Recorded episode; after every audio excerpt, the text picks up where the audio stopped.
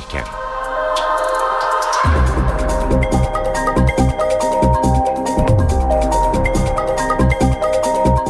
İyi akşamlar ben Öykü Özdoğan eve dönerken başlıyor. Türkiye ve dünyadan günün önemli gelişmeleriyle sizlerle olacağız. Öne çıkan haberlerin özetiyle başlıyoruz.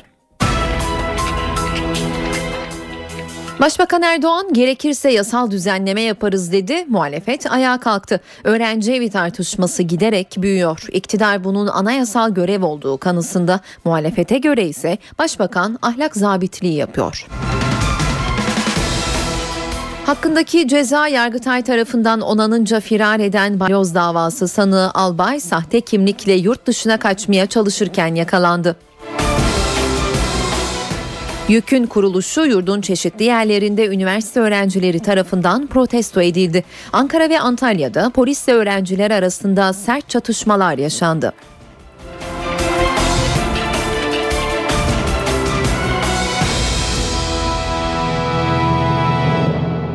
Öğrenci evleri tartışması bugün de siyasetin bir numaralı gündemi. Başbakan Erdoğan'ın bu konuda Finlandiya ziyareti öncesinde yaptığı gerekirse yasal düzenleme yaparız açıklamasına siyasi partilerden tepki geldi. Muhalefet başbakanı ahlak zabitliği yapmakla suçladı. Başbakan Recep Tayyip Erdoğan'ın öğrenci evlerinin denetim altına alınacağı, gerekirse yasal düzenleme yapılacağına yönelik açıklamaları gündeme bomba gibi düştü. Başbakan Yardımcısı Bekir Bozdağ, Başbakanın açıklamasının yaşam tarzına müdahale olarak değerlendirilemeyeceğini söyledi. Devletin gençlerini korumak için tedbir alması onların yaşam tarzlarına müdahale olarak asla nitelendirilemez. Bu yönde değerlendirme yapması, çalışma yapması, adım atması anayasadan kaynaklı bir görevdir. Meclis Başkanı Cemil Çiçek, hukuk devletinde herhangi bir fiil yasak değilse serbesttir dedi. Çiçek, mevzuatın sorun olduğu belirlenen hususları karşılamaması durumunda düzenleme yapılabileceğini söyledi. Muhalefet ise Erdoğan'ın açıklamasına tepkili. Bir ahlak zabitliğine soyunmuş, zabitliğine soyunmuş. Ben valime, emniyetime gereken şeyleri söyledim, takip edecekler. Değerli arkadaşlarım, demokratik bir ülkede kişisel hak ve özgürlük alanlarına devletin müdahale etmesi kabul edilemez. Siyasal tartışma çıkartmak istiyor. Bunlardan bunlardan bir de muhafazakarlık tartışması e, çıkartıyor. Kız çocuklarını okutan aileleri de sıkıntıya sokar. Böyle bir tartışmanın içerisine sokmak, girmek e, gerçekten doğru değildir. CHP Uşak Milletvekili Dilek Akagün Yılmaz ise tepkisini Meclis Genel Kurulu'nda duran kadın eylemi yaparak gösterdi. Başbakan Erdoğan'ın öğrenci evlerinin denetim altına alınacağına yönelik açıklamalarının ardından Adana Valisi Hüseyin Avni Coş uygulama konusunda bir açıklama yaptı. Coş şikayetler değerlendirilir ve yasal gereği yapılır dedi.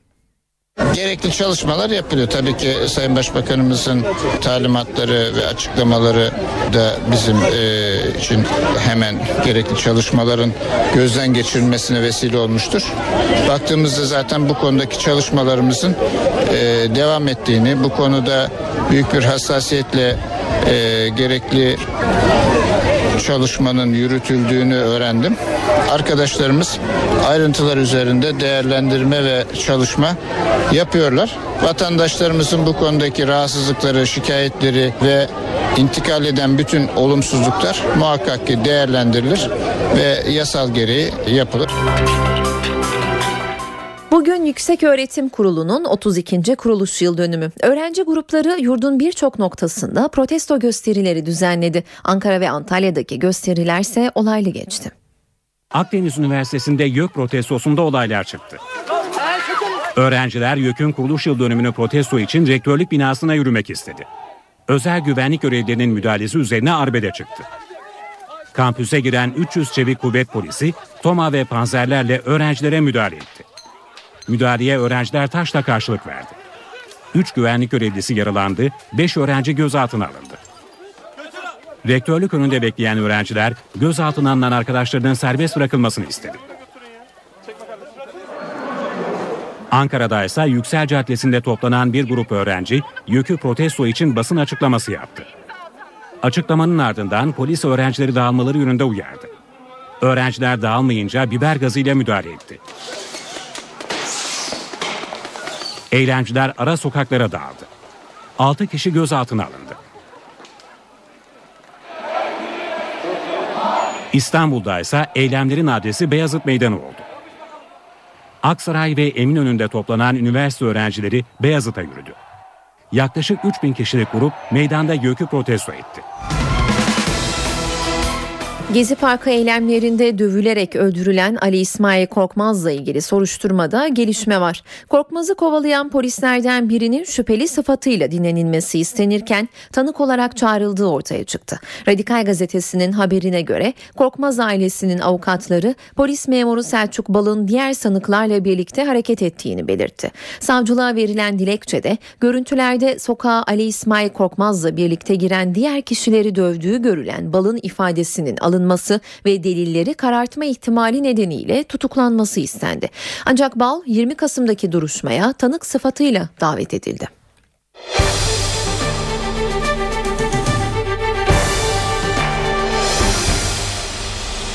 Başbakan Erdoğan Kuzey Avrupa turunda. İlk durak Finlandiya. Başbakan başkent Helsinki'de Finlandiya Cumhurbaşkanı ve Meclis Başkanı ile bir araya geldi. Angry Birds oyununun yapımcı şirketini ziyaret etti ve Türk-Fin İş Forumu'nda konuştu. Erdoğan'ın programına ilişkin notları NTV muhabiri Ercan Gürses aktarıyor.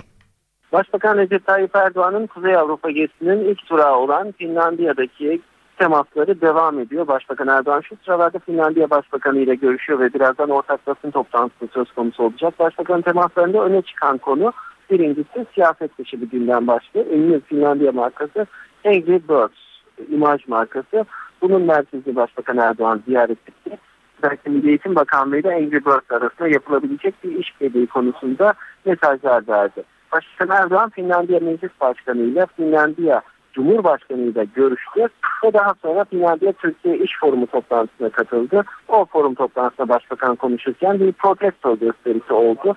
Salonun önünde de protesto, gezi protestosu yapanlarla Başbakan Erdoğan'a destek gösterisi yapanların karşı karşıya gelmemesi için atlı polisler, Finlandiyalı polisler bir kordon oluşturdu. Birazdan basın toplantısı olacak. Başbakan Recep Tayyip Erdoğan Finlandiyalı meslektaşıyla kameralar karşısına geçecek. Daha sonra da havalimanına gidilerek Başbakan Erdoğan'ın Stockholm'a hareketi gerçekleşecek. Başbakan yarın ikinci durağı Kuzey Avrupa gezisinin ikinci durağı İsveç'e geçecek. İsveç'ten sonra da Polonya'ya geçerek maalesef ilk günün ilk saatlerinde Kuzey Avrupa ziyaretini tamamlamış olacak. Ercan Gürses, NTV Radyo, Helsinki. Başbakanın ziyaret ettiği Kuzey Avrupa ülkeleri dünya barışına sundukları katkılarla bilinir. Onların lokomotifliğini ise Norveç üstlenmiş durumda. Norveç Dışişleri Bakanı Brende arabuluculuk meselesini yorumladı. Farkımız belli grupları tanımamız değil, onları siyasi sürece girmeleri konusunda ikna etmemiz dedi. Dışişleri Bakanı Ahmet Davutoğlu da arabuluculuğu Suriye örneği üzerinden anlattı. Oslo son olarak PKK devlet görüşmelerine ev sahipliği yaptı sadece PKK sorununa değil, Orta Doğu barış görüşmelerine de Sri Lanka ve Kolombiya'daki sorunlara da çözümün arandığı yer. Norveç Dışişleri Bakanı Börge Brende Ankara'da katıldığı uluslararası arabuluculuk perspektifleri çalıştayında konuştu. PKK demedi ama o görüşmelere hangi prensiplerde ev sahipliği yaptıklarını anlattı. Diyalog hayatidir. Diyalog olmadan güven kazanmak mümkün değildir. Bizim politikamız insan hakları, hukukun üstünlüğü ve demokrasiye saygı, cinsiyet eşitliği, dini değerlere saygı, ifade özgürlüğü temellerine dayanıyor. Mesele bizim belli grupları tanıma ya da kabul etmemiz değil. Onları daha normal bir siyasi sürece girmeleri konusunda ikna etmemiz. Toplantıda Dışişleri Bakanı Ahmet Davutoğlu da vardı. O da örneğini Suriye'den verdi. Üç aşamada çaba gösterdik dedi. Davutoğlu önce Suriye rejimiyle Türkiye'nin birebir konuştuğunu, rejimi ikna etmeye çalıştıklarını söyledi. Ardından Arap Ligi gibi bölgesel çabalara dahil olduklarını ifade etti. Uluslararası toplumun çabalarına destek verdiklerini anlattı.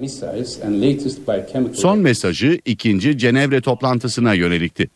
Umarız bu defa uluslararası toplum sahadaki bu insani trajediyi ve her türlü silahla işlenen insanlık suçunu durdurur dedi. Dışişleri Bakanı Ahmet Davutoğlu Meclis Dışişleri Komisyonu'nda milletvekillerini dış politika hakkında bilgilendirdi. Ağırlıklı gündemi Suriye'ydi. Neler söylediğini, muhalefetin Davutoğlu'na nasıl karşılık verdiğini telefon hattımızda bulunan NTV muhabiri Deniz Kilislioğlu'ndan öğreneceğiz. Deniz seni dinliyoruz. Öykü yaklaşık olarak 4 saat sürdü Dışişleri Bakanı Ahmet Davutoğlu'nun bilgilendirmesi. Muhalefet sordu. Dışişleri Bakanı yanıt verdi. Ee, ana gündem Suriye'ydi. CHP İstanbul Milletvekili Osman Korutürk ve Hatay Milletvekili Refik Er Yılmaz özellikle Suriye politikasında hükümetin El Nusra ve El Kaide gibi terör örgütü örgütlerine destek e, verdiğini ifade etti ve bununla suçladı. Davutoğlu da ne El-Kaide ne El-Nusra'ya destek veriyoruz tutanaklara geçsin ifadelerini kullandı. Bu iddialara karşı çıktı. Zaman zaman CHP'li vekillerle Davutoğlu arasında tansiyonu yükseldiğini de söyleyelim. Er Yılmaz Suriye'deki kimyasal silah kullanıldığına dair kanıt var mı? Varsa elinizdeki bilgileri bizimle niye paylaşmıyorsunuz diye sordu. Ee, Bakan Davutoğlu da hem Türkiye'nin hem de Birleşmiş Milletler'in incelemelerinin ardından kimyasal silahları Esad'ın kullandığına dair kuşku kalmadığını söyledi. Ve Er Yılmaz'a da Esad'ın sözlerine inanıyorsunuz, Dışişleri Bakanı'nın sözlerine inanmıyorsunuz. Bizden bugün Esad yönetimine karşı tek bir cümle duyamadık maalesef sözleriyle yüklendi. Buralarda tansiyon e, biraz arttı e, Dışişleri Komisyonu'nda. E, Milliyetçi Hareket Partisi hükümeti Suriye'de ve Irak'ta Kürt odaklı bir politika izlemekte suçladı. Davutoğlu bu eleştirilere meslek siyaseti gütmüyoruz e, özellikle Türkmenler için neler yapıldığını Türkmen kökenli milletvekilimiz Mehmet Şandır'a sorabilirsiniz sözleriyle e, yanıt verdi. MHP milletvekili Sinan Oğan'ın e, Irak'ta Türkmenlerin yaşadığı bölge bir sınır kapısının ne zaman açılacağını e, sorduğunu söyleyelim. Davutoğlu'nun ona yanıtı da Hoşar Zebari ziyaretinde bu konunun gündeme geldiğini, Irak'a 3 yeni sınır kapısının açılmasının görüşüldüğünü ve çalışmaların devam ettiğini söylediğini ekleyelim. E, BDP'li üyelerin de e, eleştirileri vardı. Özellikle Kuzey Suriye'ye yardıma izin vermemekte suçladılar Davutoğlu'nu. E, orada da aslında Davutoğlu üstü kapalı olarak PYD'nin rejimle arasında mesafe koymadığının mesajını verdi. Rejim oradan çekilirken tüm imkanlarını bir gruba bırakıyorsa ve o grupta diğer Kürtler üzerinde baskı kuruyorsa, muhaliflerle savaşıyorsa o zaman burada başka şeyler var demektir mesajını verdi. Bu ifadelerle de aslında e, PYD'nin olduğu bölgelere yardım konusunda e, temkinli davrandıklarını ifade etti. Genel hatlarıyla böyleydi. Suriye önemli bir bölümünü kapsadı. Dış politikada yalnızlaşma konularını e, muhalefet gündeme getirdi. E, komşularla ilişkilerde sorunlar olduğunu ifade etti. Ama Davutoğlu da onlara bir sunum e, yaparak karşılık verdi. Açılan büyük gerçekleri hatırlattı. Yaptığı ziyaretleri tekrarladı. E, bu çerçevede 4 saat toplantı tamamlandı. Deniz teşekkürler. NTV muhabiri Deniz Kilislioğlu telefon hattımızdaydı. Anayasa Uzlaşma Komisyonu'nda 4 partinin üzerinde uzlaştığı 60 maddenin bir paket halinde meclisten geçirilmesi zor görünüyor. CHP Grup Başkan Vekili yarın AK Parti kurmaylarına 60 madde gündemiyle iadeyi ziyaret gerçekleştirip diğer partilerle de anlaşın diyecek. Ancak MHP anayasanın parça parça yapılmasına karşı. Yeni anayasa için 60 maddeli kısmi uzlaşma ihtimali zayıflıyor. AK Parti Grup Başkan Vekillerinin iki hafta önce CHP'yi ziyaretiyle gündeme gelen anayasa paketine CHP mesafeli yaklaşıyor. AKP ile tek başına mı yola devam edeceksiniz? Hayır böyle bir şey söz konusu bile değil. Dörtlü mutabakat olduğu sürece dörtlü mutabakat çevresinde hareket etme sözümüzde duracağımızı söylüyoruz. CHP'den gelen bu açıklamaya yanıt AK Parti Grup Başkan Vekili Ahmet Aydın'dan geldi. Aydın 60 madde teklifinin CHP lideri Kılıçdaroğlu'ndan geldiğini hatırlattı. CHP'nin hayır demesi halinde uzlaşma komisyonunun da çalışmalarının bitebileceğinin sinyalini verdi. CHP'nin attığı imzaya sadık olarak olumlu bir yanıtla gelmesini arzuluyoruz. Şimdi ana muhalefette bu işe yok derse o zaman tabii e, iş meclis başkanlığına kalıyor. Meclis başkanımızın vereceği karara göre hepimiz hareket ederiz, yol haritamızı çizeriz. 60 madde konusuna baştan kapıları kapatan MHP'nin uzlaşma komisyonu üyesi Oktay Öztürk, paketin geçirilmesinin komisyonu bypass edecek değişiklik önerilerine kapı aralayacağı düşüncesinde. Madem ki böyle kısım kısım olacaktı bu kadar sıkıntıya gerek yoktu. Burada bekledikleri şu. Bir defa bunu kabul eder de meclise gelirlerse masanın hükmü ortadan kalkmış olacak. Sonra da meclise geldiği artık geri dönüşü yok. Mecliste Anayasa Uzlaşma Komisyonu'ndan geçiremedikleri maddeleri önerge ile getirip sayısal çoğunluklarına güvenerek geçirmek istiyorlar.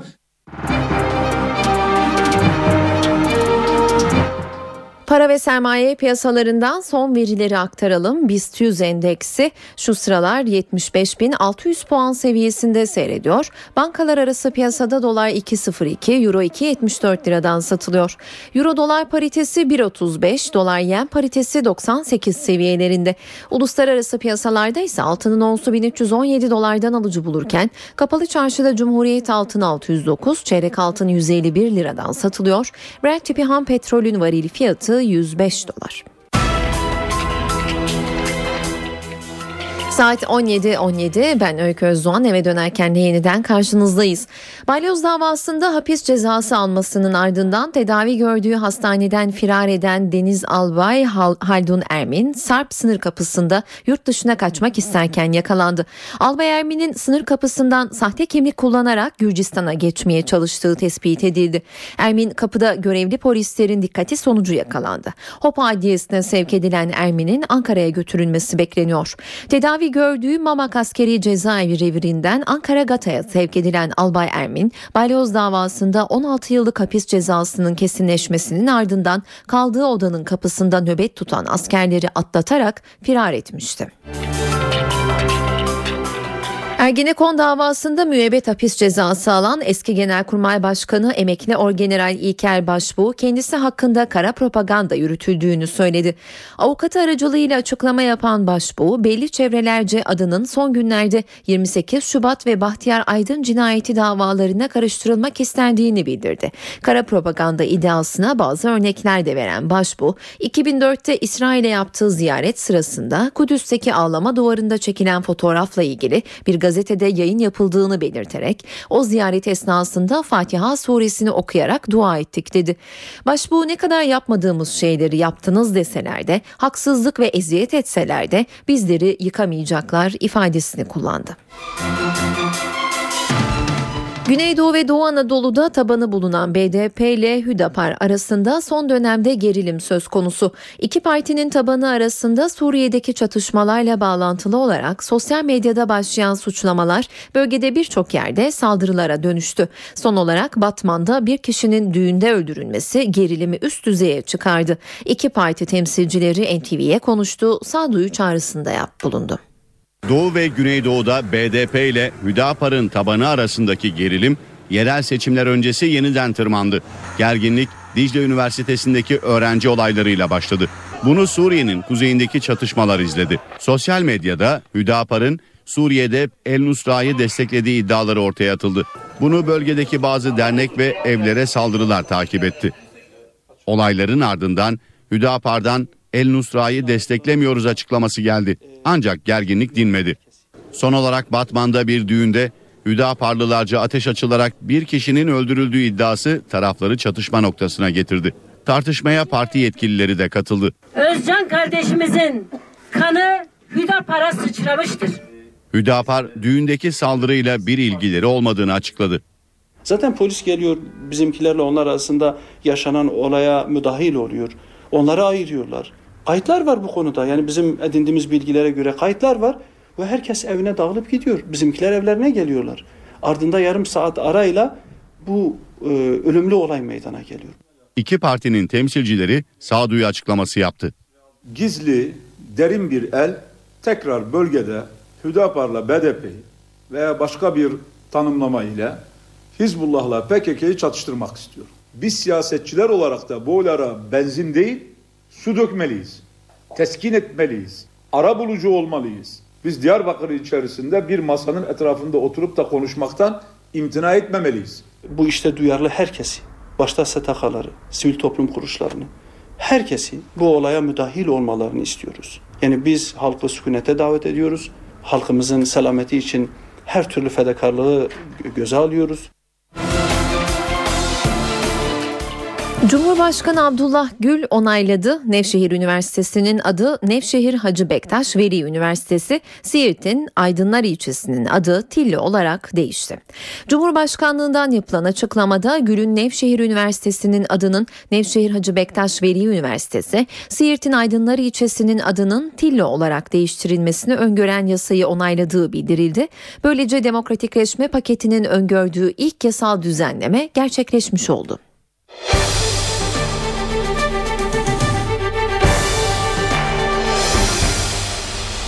Gelecek yıl kamu özel sektör yatırımlarında hazinenin üstleneceği borç 3 milyar doları geçemeyecek. Açıklama Başbakan Yardımcısı Ali Babacan'dan geldi.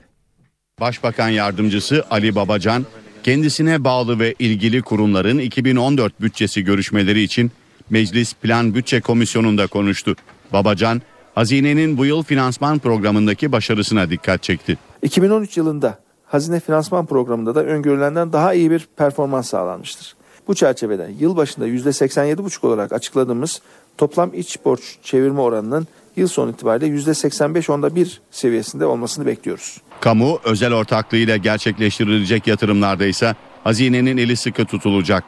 Hazine önümüzdeki dönem Gebze-İzmir otoyolu ve 3. Boğaz Köprüsü için özel sektörle borç üstlenim anlaşması yapacak. Ancak Babacan üstlenilecek borcun gelecek yıl 3 milyar doları aşmamasını öngörüyoruz dedi.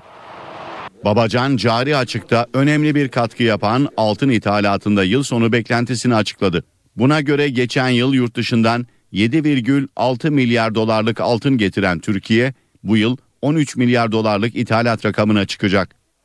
Sermaye Piyasası Kurumu bu yıl yeni yasa sonrası tüm hukuki altyapı çalışmalarını tamamlamayı hedefliyor. Bugüne kadar 30 yeni düzenleme tamamlanmış, 26 yeni düzenleme ise yıl sonuna kadar tamamlanacaktır. Bankacılık Düzenleme ve Denetleme Kurumu Başkanı Mukim Öztekin ise kredi genişlemesi riskine dikkat çekti. Öztekin, kredi artışı nispeten dengeli, kredi talep ve dengesi de sağlıklı dedi ancak aşırı kredi genişlemesinin yaratabileceği risklerin göz ardı edilmemesi gerektiğini söyledi. Bedava kömür dağıtımı devam edecek. Bakanlar Kurulu bedava kömür dağıtımının devam etmesine yönelik kararını 2014 programına koydu. Hükümet yoksun ailelere 2003 yılından bu yana 15 milyon tona yakın bedava kömür dağıttı. Önümüzdeki yıl yoksun ailelere 500'er kilo kömür dağıtılacak. Dağıtılacak toplam kömür 2 milyon ton olacak. 10 yıllık maliyeti 3,5 milyar liraya ulaşan kömür yardımından yararlanan aile sayısı ise 2,5 milyona yaklaşmış olacak. Zenginler paralarını ne yapıyor? Amerika'da yapılan bir araştırmada zenginlere yatırım tercihleri soruldu. Tabloya bakılacak olursa zenginler de yastık altına meraklı.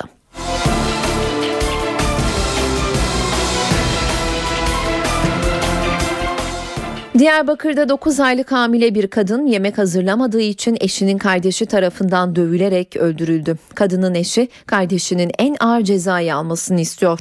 Genç kadının sezaryenle alınan bebeğinin yaşam mücadelesi ise sürüyor. Dağından düştü denilerek hastaneye kaldırıldı. Kayınbiraderi tarafından dövülerek öldürüldüğü ortaya çıktı. Diyarbakır'da 9 aylık hamile Zeynep Taş'ın öldürülmesiyle ilgili detaylar ortaya çıktı.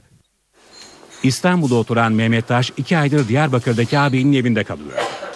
Mehmet Taş yengesini kendisine yemek hazırlamadığı için döverek öldürdü.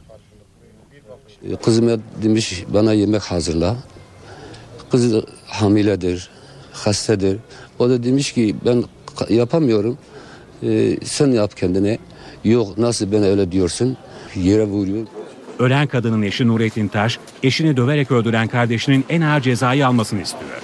Ölümün pahasına bile olursa olsun o insanı en ağır şekilde cezalandırması için adaletin kapısını ben çalacağım. Neresi olursa olsun. Çünkü benim eşim masumdu. 33 yaşındaki Zeynep Taş'ın sezaryenle alınan bebeğinin sağlık durumu da ciddiyetini koruyor. Anne karnında uzun süre oksijensiz kalan bebeğin başta beyni olmak üzere tüm organlarında ciddi hasar var. Genç kadın geride 3 ve 6 yaşlarında iki çocuk daha bıraktı.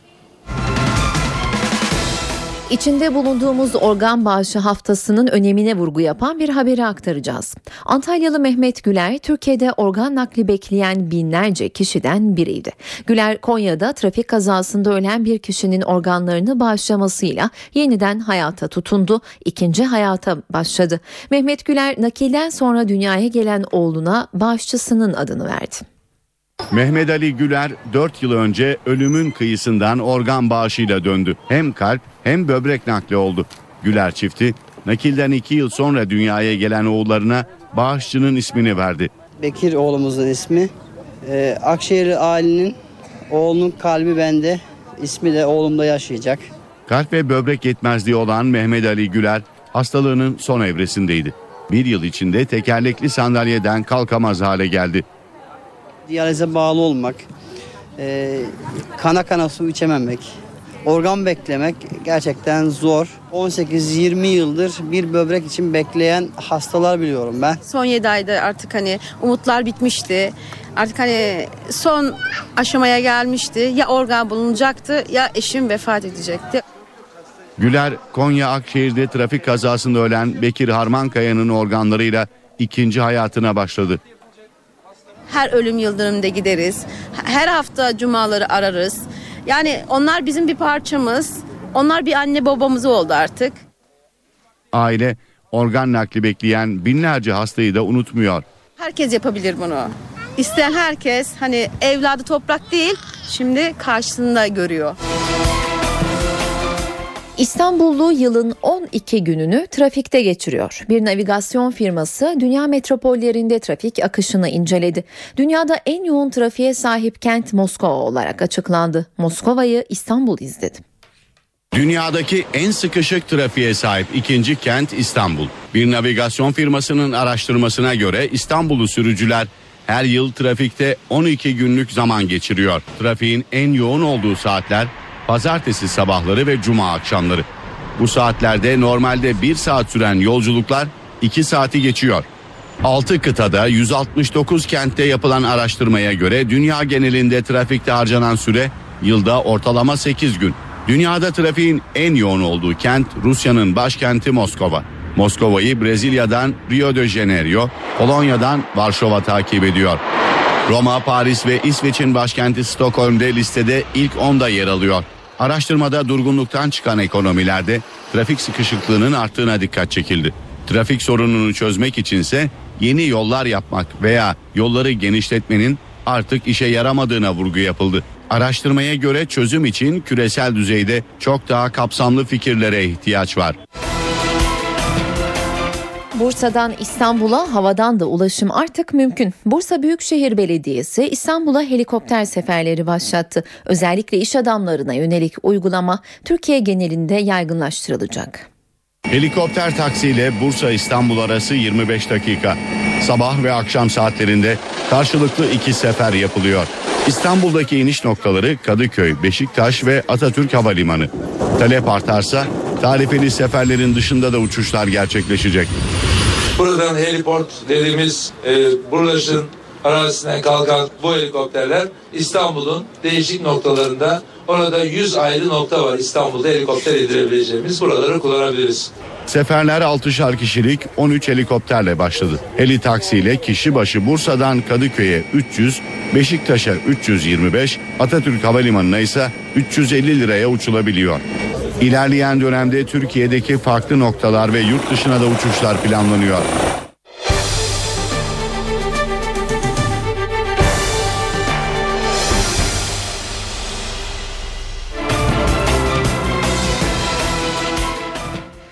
Dinleme skandalı büyüyor. Bu kez Türkiye ile ilgili bir iddia ortaya atıldı. İtalyan ve Yunan medyasında yer alan haberlere göre İngiltere Türkiye'nin fiber optik hatlarına sızdı, elektronik posta ve anlık mesajlaşmaları izledi. Amerika Birleşik Devletleri'nin bazı eyaletlerinde belediye ve valilik seçimleri vardı. New York'ta bir sürpriz yaşandı ve belediye başkanlığı koltuğu 20 yıl aradan sonra Demokrat Parti'nin oldu. Amerika Birleşik Devletleri'nde yıllar sonra New York Belediye Başkanlığı koltuğu başka bir partiye geçti. Başkan Barack Obama'nın Demokrat Partisi belediye seçiminden zaferle çıktı.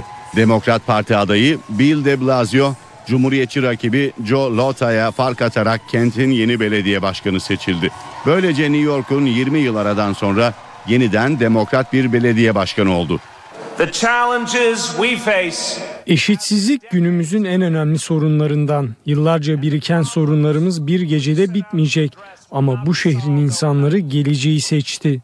But make no mistake, Virginia eyaletinde kıran kırana geçen valilik seçiminin galibi de Demokrat Parti oldu. Demokrat Terry McAuliffe %47 ile ipi göğüslerken Cumhuriyetçi rakibi %45'te kaldı. Türk nüfusun yoğun yaşadığı New Jersey eyaletindeki valilik seçimini ise beklendiği gibi Chris Christie ikinci defa kazandı.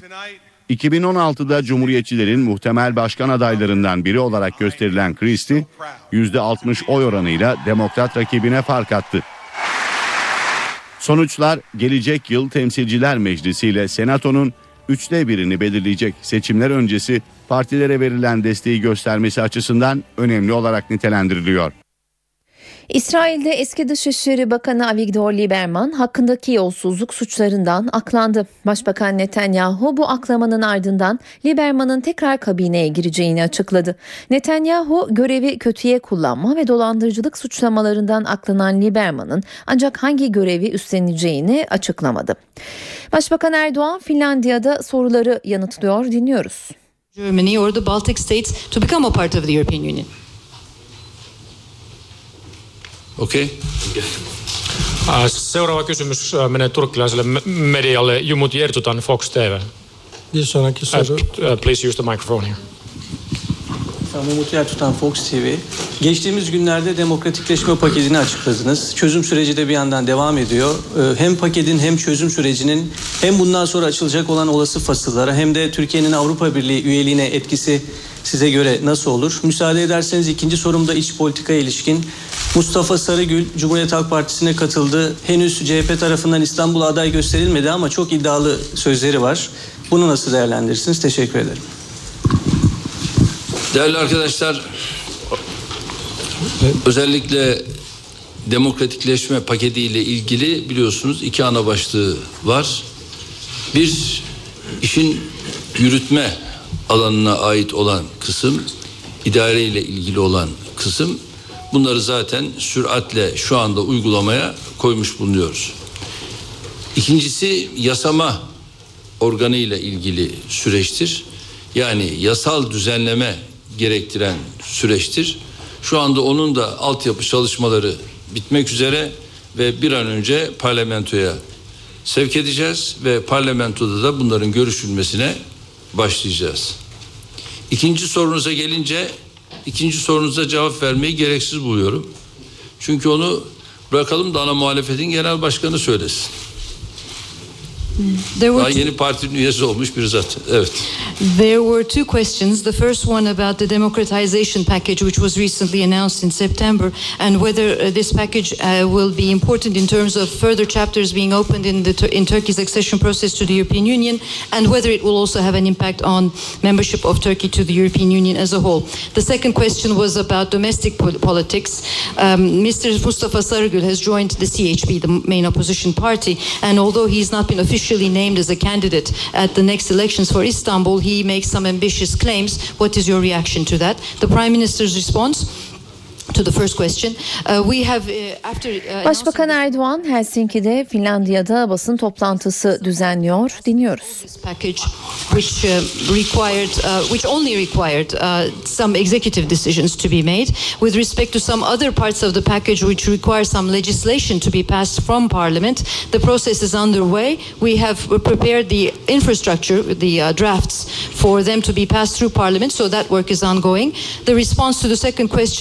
Package which uh, required uh, which only required uh, some executive decisions to be made with respect to some other parts of the package which require some legislation to be passed from parliament the process is underway we have prepared the infrastructure the uh, drafts for them to be passed through parliament so that work is ongoing the response to the second question is that there is no need to respond to the question on my part it is the leader of the main opposition party himself who should be answering that question Yksi kysymys vielä. Tom Kankkonen, Yleisradio, jos voit käyttää ääntäsi. Meillä on mik- mikki hieman kate- kädessä.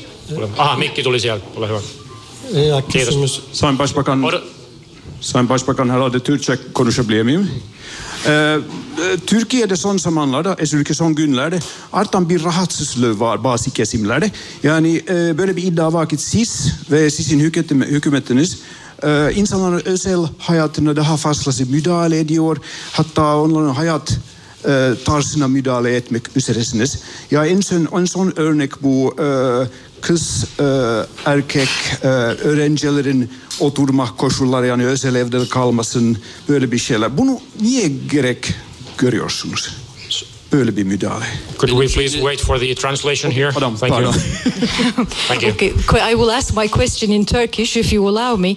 Uh, there are some, there's some um, the displeasure or unpleasure with respect to some parts of the Turkish uh, society with respect to your more recent uh, words and statements uh, about uh, private lives of people and the way people like to or choose to live uh, their life. It is stated or said by some circles that uh, the government and you are trying to intervene with the private lives of people and their lifestyle. Most recently, your comments about girls and boys living in the same house and so on. So, why do you feel the need uh, to focus in this area? Is the question. Değerli arkadaşımı birileri herhalde özel olarak görevlendirmiş. Öyle anlıyorum. I, Çünkü I, I wondered if you somebody had asked you or instructed you to ask the question. 11 yıldır başbakanım. Because I've been prime minister for 11 years 4,5 yıl belediye başkanlığım var. and I was mayor for four and a half years before that. Biz kimsenin özel hayatına bugüne kadar müdahale etmiş değiliz. And we have never intervened in anyone's private Eğer life this birilerinin özel hayatına müdahale etmiş bir iktidar olmuş olsaydık Türkiye'de iki kişiden bir kişinin oyunu almazdık. And had we done that, we would not have gotten the vote of one out of every two people in Turkey. Bu konuda bizim en büyük teminatımız halkımızdır. Our greatest assurance in this respect is our people. Ve üç dönemdir oyları arta arta yükselen bir iktidar olarak şu anda geldiğimiz nokta bunun teminatıdır. And the fact that we have been for three consecutive terms increasing our votes. Ve halkımızın özel yaşamı, özel hayatı bizim teminatımız altındadır. And the private lives of our people are under our guarantee. Meşru hayat vardır, gayrimeşru hayat vardır. There is legitimate life and illegitimate life. Bu noktada da tabii ki ülkemizde bizim üzerimize düşen görevler vardır. And our responsibilities in this framework in our country. O görevler de yasalarla bellidir. And those uh, responsibilities are uh, determined by law. Yasalar bize hangi görevi verirse biz o görevler çerçevesi içerisinde adımlarımızı atarız. And we implement our responsibility within the framework of what is mandated in law. Thank you very much for your questions. Uh, could we please uh, ask you stay for a couple of minutes here in this room so the uh, prime ministers can leave the building? Thank you. Başbakan Erdoğan'ın Helsinki'de düzenlediği basın toplantısından bir bölümü canlı olarak aktardık. Saat 18 ben Öykü Özdoğan eve dönerken de yeni saate günün öne çıkan haberlerinden başlıklarla başlıyoruz. Başbakan Erdoğan gerekirse yasal düzenleme yaparız dedi. Muhalefet ayağa kalktı. Öğrenci evi tartışması giderek büyüyor. İktidar bunun anayasal görev olduğu kanısında muhalefete göre ise başbakan ahlak zabitliği yapıyor. Ege'de taciz Yunan F-16'ları uluslararası hava sahasında Türk savaş uçaklarını taciz etti. Hakkındaki ceza Yargıtay tarafından onanınca firar eden balyoz davası sanı albay sahte kimlikle yurt dışına kaçmaya çalışırken yakalandı. YÖK'ün kuruluşu yurdun çeşitli yerlerinde üniversite öğrencileri tarafından protesto edildi. Ankara ve Antalya'da polisle öğrenciler arasında sert çatışmalar yaşandı.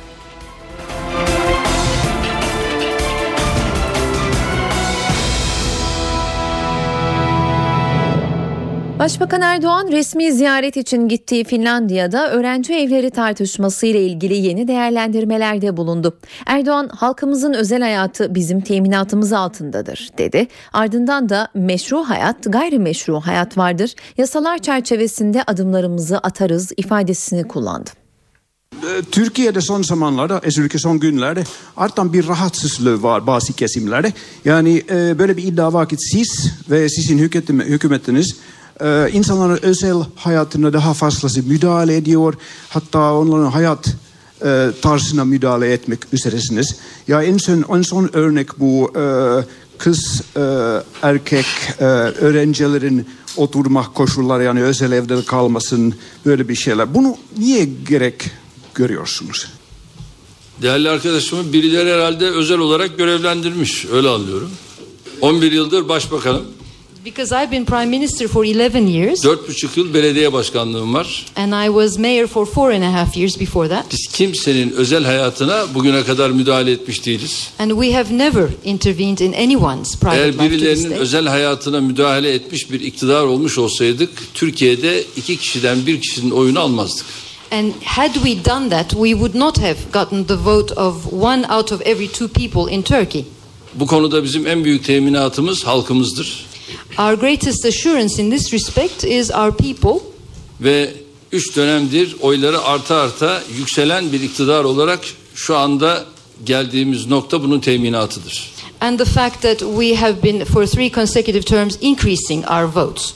Ve halkımızın özel yaşamı, özel hayatı bizim teminatımız altındadır. And the private lives of our people are under our guarantee. Meşru hayat vardır, gayrimeşru hayat vardır. There is legitimate life and illegitimate life. Bu noktada da tabii ki ülkemizde bizim üzerimize düşen görevler vardır. And our responsibilities in this framework in our country. O görevler de yasalarla bellidir. And those uh, responsibilities are uh, determined by law. Yasalar bize hangi görevi verirse biz o görevler çerçevesi içerisinde adımlarımızı atarız. Başbakan Erdoğan'ın sözlerine siyasi partilerden tepki geldi. Muhalefet başbakanı ahlak zabitliği yapmakla suçladı. Başbakan Recep Tayyip Erdoğan'ın öğrenci evlerinin denetim altına alınacağı, gerekirse yasal düzenleme yapılacağına yönelik açıklamaları gündeme bomba gibi düştü. Başbakan Yardımcısı Bekir Bozdağ, Başbakanın açıklamasının yaşam tarzına müdahale olarak değerlendirilemeyeceğini söyledi. Devletin gençlerini korumak için tedbir alması onların yaşam tarzlarına müdahale olarak asla nitelendirilemez. Bu yönde değerlendirme yapması, çalışma yapması, adım atması anayasadan kaynaklı bir görevdir. Meclis Başkanı Cemil Çiçek, hukuk devletinde herhangi bir fiil yasak değilse serbesttir dedi. Çiçek, mevzuatın sorun olduğu belirlenen hususları karşılamaması durumunda düzenleme yapılabileceğini söyledi. Muhalefet ise Erdoğan'ın açıklamasına tepkili. Bir ahlak zabitliğine soyunmuş, zabitliğine soyunmuş. Ben valime, emniyetime gereken şeyleri söyledim, takip edecekler. Değerli arkadaşlarım, demokratik bir ülkede kişisel hak ve özgürlük alanlarına devletin müdahale etmesi kabul edilemez. Siyasal tartışma çıkartmak istiyor. Bunlardan bunlardan bir de muhafazakarlık tartışması e, çıkartıyor. Kız çocuklarını okutan aileleri de sıkıntıya sokar. Böyle bir tartışmanın içerisine sokmak, girmek e, gerçekten doğru değildir.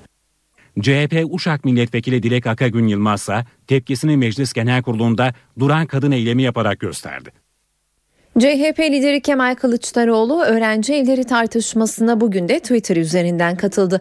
Başbakan Erdoğan'a seslenen CHP lideri kız erkek başı açık kapalı sen ben Alevi Sünni yeter artık. İnsanlara ne zaman birey olarak bakmayı öğreneceksin başbakan dedi. Bugün Yüksek Öğretim Kurulu'nun 32. kuruluş yıl dönümü. Öğrenci grupları yurdun birçok noktasında protesto gösterileri düzenledi. Ankara ve Antalya'daki gösteriler olaylı geçti. Akdeniz Üniversitesi'nde YÖK protestosunda olaylar çıktı. Öğrenciler YÖK'ün kuruluş yıl dönümünü protesto için rektörlük binasına yürümek istedi. Özel güvenlik görevlilerinin müdahalesi üzerine arbede çıktı. Kampüse giren 300 çevik kuvvet polisi Toma ve panzerlerle öğrencilere müdahale etti. Müdahaleye öğrenciler taşla karşılık verdi. 3 güvenlik görevlisi yaralandı, 5 öğrenci gözaltına alındı.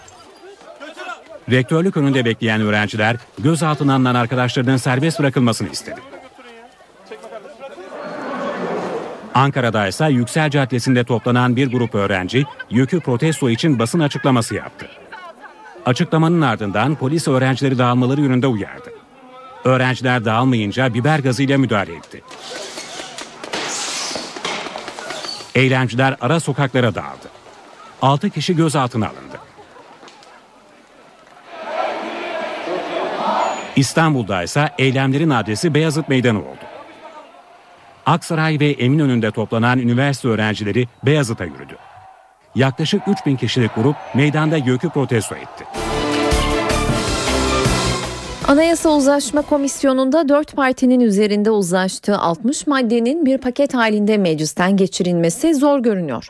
CHP Grup Başkan Vekilleri yarın AK Parti kurmaylarına 60 madde gündemiyle iadeyi ziyaret gerçekleştirip diğer partilerle de anlaşın diyecek. Ancak MHP anayasanın parça parça yapılmasına karşı. Yeni anayasa için 60 maddeli kısmi uzlaşma ihtimali zayıflıyor. AK Parti Grup Başkan Vekillerinin iki hafta önce CHP'yi ziyaretiyle gündeme gelen anayasa paketine CHP mesafeli yaklaşıyor. AKP ile tek başına mı yola devam edeceksiniz? Hayır böyle bir şey söz konusu bile değil. Dörtlü mutabakat olduğu sürece dörtlü mutabakat çevresinde hareket etme sözümüzde duracağımızı söylüyoruz.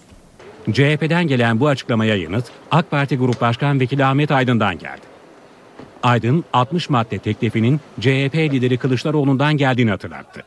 CHP'nin hayır demesi halinde uzlaşma komisyonunun da çalışmalarının bitebileceğinin sinyalini verdi. CHP'nin attığı imzaya sadık olarak olumlu bir yanıtla gelmesini arzuluyoruz. Şimdi ana muhalefette bu işe yok derse o zaman tabii e, iş meclis başkanlığına kalıyor. Meclis başkanımızın vereceği karara göre hepimiz hareket ederiz, yol haritamızı çizeriz.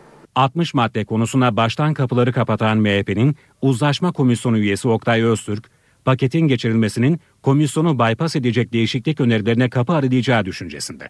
Madem ki böyle kısım kısım olacaktı bu kadar sıkıntıya gerek yoktu. Burada bekledikleri şu. Bir defa bunu kabul eder de meclise gelirlerse masanın hükmü ortadan kalkmış olacak. Sonra da meclise geldiği artık geri dönüşü yok. Mecliste Anayasa Uzlaşma Komisyonu'ndan geçiremedikleri maddeleri önerge ile getirip sayısal çoğunluklarına güvenerek geçirmek istiyorlar. Güneydoğu ve Doğu Anadolu'da tabanı bulunan BDP ile Hüdapar arasında son dönemde gerilim söz konusu. İki partinin tabanı arasında Suriye'deki çatışmalarla bağlantılı olarak sosyal medyada başlayan suçlamalar bölgede birçok yerde saldırılara dönüştü. Son olarak Batman'da bir kişinin düğünde öldürülmesi gerilimi üst seviyeye çıkardı. İki parti temsilcileri NTV'ye konuştu, sağduyu çağrısı yaptı. Doğu ve Güneydoğu'da BDP ile Hüdapar'ın tabanı arasındaki gerilim yerel seçimler öncesi yeniden tırmandı. Gerginlik Dicle Üniversitesi'ndeki öğrenci olaylarıyla başladı. Bunu Suriye'nin kuzeyindeki çatışmalar izledi. Sosyal medyada Hüdapar'ın Suriye'de El Nusra'yı desteklediği iddiaları ortaya atıldı. Bunu bölgedeki bazı dernek ve evlere saldırılar takip etti. Olayların ardından Hüdapar'dan El Nusra'yı desteklemiyoruz açıklaması geldi. Ancak gerginlik dinmedi. Son olarak Batman'da bir düğünde Hüdaparlılarca ateş açılarak bir kişinin öldürüldüğü iddiası tarafları çatışma noktasına getirdi. Tartışmaya parti yetkilileri de katıldı. Özcan kardeşimizin kanı Hüdapar'a sıçramıştır. Hüdapar düğündeki saldırıyla bir ilgileri olmadığını açıkladı. Zaten polis geliyor bizimkilerle onlar arasında yaşanan olaya müdahil oluyor. Onları ayırıyorlar. Kayıtlar var bu konuda. Yani bizim edindiğimiz bilgilere göre kayıtlar var ve herkes evine dağılıp gidiyor. Bizimkiler evlerine geliyorlar. Ardında yarım saat arayla bu e, ölümlü olay meydana geliyor. İki partinin temsilcileri sağduyu açıklaması yaptı. Gizli, derin bir el tekrar bölgede Hüdapar'la BDP veya başka bir tanımlama ile Hizbullah'la PKK'yı çatıştırmak istiyor. Biz siyasetçiler olarak da bu olaylara benzin değil, su dökmeliyiz. Teskin etmeliyiz. Ara bulucu olmalıyız. Biz Diyarbakır içerisinde bir masanın etrafında oturup da konuşmaktan imtina etmemeliyiz. Bu işte duyarlı herkesi, başta STK'ları, sivil toplum kuruluşlarını, herkesi bu olaya müdahil olmalarını istiyoruz. Yani biz halkı sükunete davet ediyoruz. Halkımızın selameti için her türlü fedakarlığı göze alıyoruz. Saat 18.16 eve dönerken de gelişmeleri aktarmaya devam ediyoruz. Sıcak bir gelişmeyle başlayalım. Yunan F-16'ları Türk savaş uçaklarını taciz etti. Genelkurmay Başkanlığı dün Ahikerya adasının kuzeybatısında ve Sisam adası güneyinde Ege'nin uluslararası hava sahasında eğitim uçuşu icra eden Hava Kuvvetleri Komutanlığı'na ait uçaklara Yunanistan'a ait F-16 uçakları tarafından 4 dakika süreyle radar kilidini muhafaza etmek suretiyle tacizde bulunuldu olduğu duyuruldu. TSK açıklamasında olayın Dışişleri Bakanlığı'na bildirildiği de kaydedildi. Dışişleri Bakanı Ahmet Davutoğlu Türkiye'nin Suriye'de El-Kaide ve El-Nusra'ya destek verdiği iddialarını yalanladı. Davutoğlu Mecliste Dışişleri Komisyonu'na Suriye konusunda bilgi verdi. Komisyonun BDP'li üyeleri Davutoğlu'nu Kuzey Suriye'ye yardıma izin vermemekle suçladı. Davutoğlu rejim oradan çekilirken tüm imkanlarını bir gruba bırakıyorsa, o grupta diğer Kürtler üzerinde baskı kuruyorsa o zaman burada başka şeyler var demektir dedi. Davutoğlu üstü kapalı PYD'nin hala hala Suriye rejimiyle arasına mesafe koyamadığının mesajını verdi. Dinleme skandalı büyüyor. Bu kez Türkiye ile ilgili bir iddia ortaya atıldı. İtalyan ve Yunan medyasında yer alan haberlere göre İngiltere Türkiye'nin fiber optik hatlarına sızdı, elektronik posta ve anlık mesajlaşmaları izledi. İngiltere Türkiye'nin fiber optik hatlarına sızdı. Bu haber İtalyan L'Espresso dergisiyle Yunan Tanea gazetesinde yer aldı. Espresso ve Tanea haberlerini eski CIA çalışanı Edward Snowden'ın sızdırdığı belgelere dayandırdı. Belgelere göre İngiltere Kıbrıs'taki üssünden fiber optik hatları kullanarak milyonlarca elektronik posta, telefon konuşması, mesajlaşma ve internet trafiğini izledi. Akdeniz ve Orta Doğu'da yabancı ülkeler, büyükelçilikler, Birleşmiş Milletler Örgütleri ve ticari kurumların dinlendiği belirtiliyor. Söz konusu fiber optik hatlar Kıbrıs'tan geçerek Orta Doğu, Kuzey Afrika ve Avrupa'ya uzanıyor. Bir dizi kablo Kıbrıs'ı İsrail ve Suriye'ye bağlarken diğer kablolar Kıbrıs'tan Mısır, Türkiye, Yunanistan ve İtalya'ya uzanıyor. Kıbrıs üstündeki dinleme faaliyetlerine Amerikalı casusların katıldığı da iddialar arasında. İngiltere'nin Almanya'yı dinlediği iddiaları da gündemde. İngiliz gazeteleri Almanya Başbakanı Angela Merkel'in ofisinin hemen yanındaki İngiltere Büyükelçiliğinde bir dinleme istasyonu bulunduğunu yazdı. Independent gazetesi bu istasyonun hala faal olabileceğini ileri sürdü. İddialar üzerine İngiltere'nin Berlin Büyükelçisi Alman Dışişleri Bakanlığı'na çağrıldı. Hükümet Haziran 2012'den bu yana uygulanan kapsamlı teşviklere ek olarak yeni teşvikleri de devreye sokuyor. Bu kapsamda ortak üretim yapan şirketler için yeni bir destekleme kararı alındı. Teşvik için 30 milyon lira kaynak ayrıldı. NTV Ankara İstihbarat Şefi Ahmet Ergen ekonomi günlüğü köşesinde bu konuyu işleyecek. Ahmet seni dinliyoruz. Proje Bilim Sanayi ve Teknoloji Bakanlığı tarafından hazırlandı ve uygulamaya koyuldu.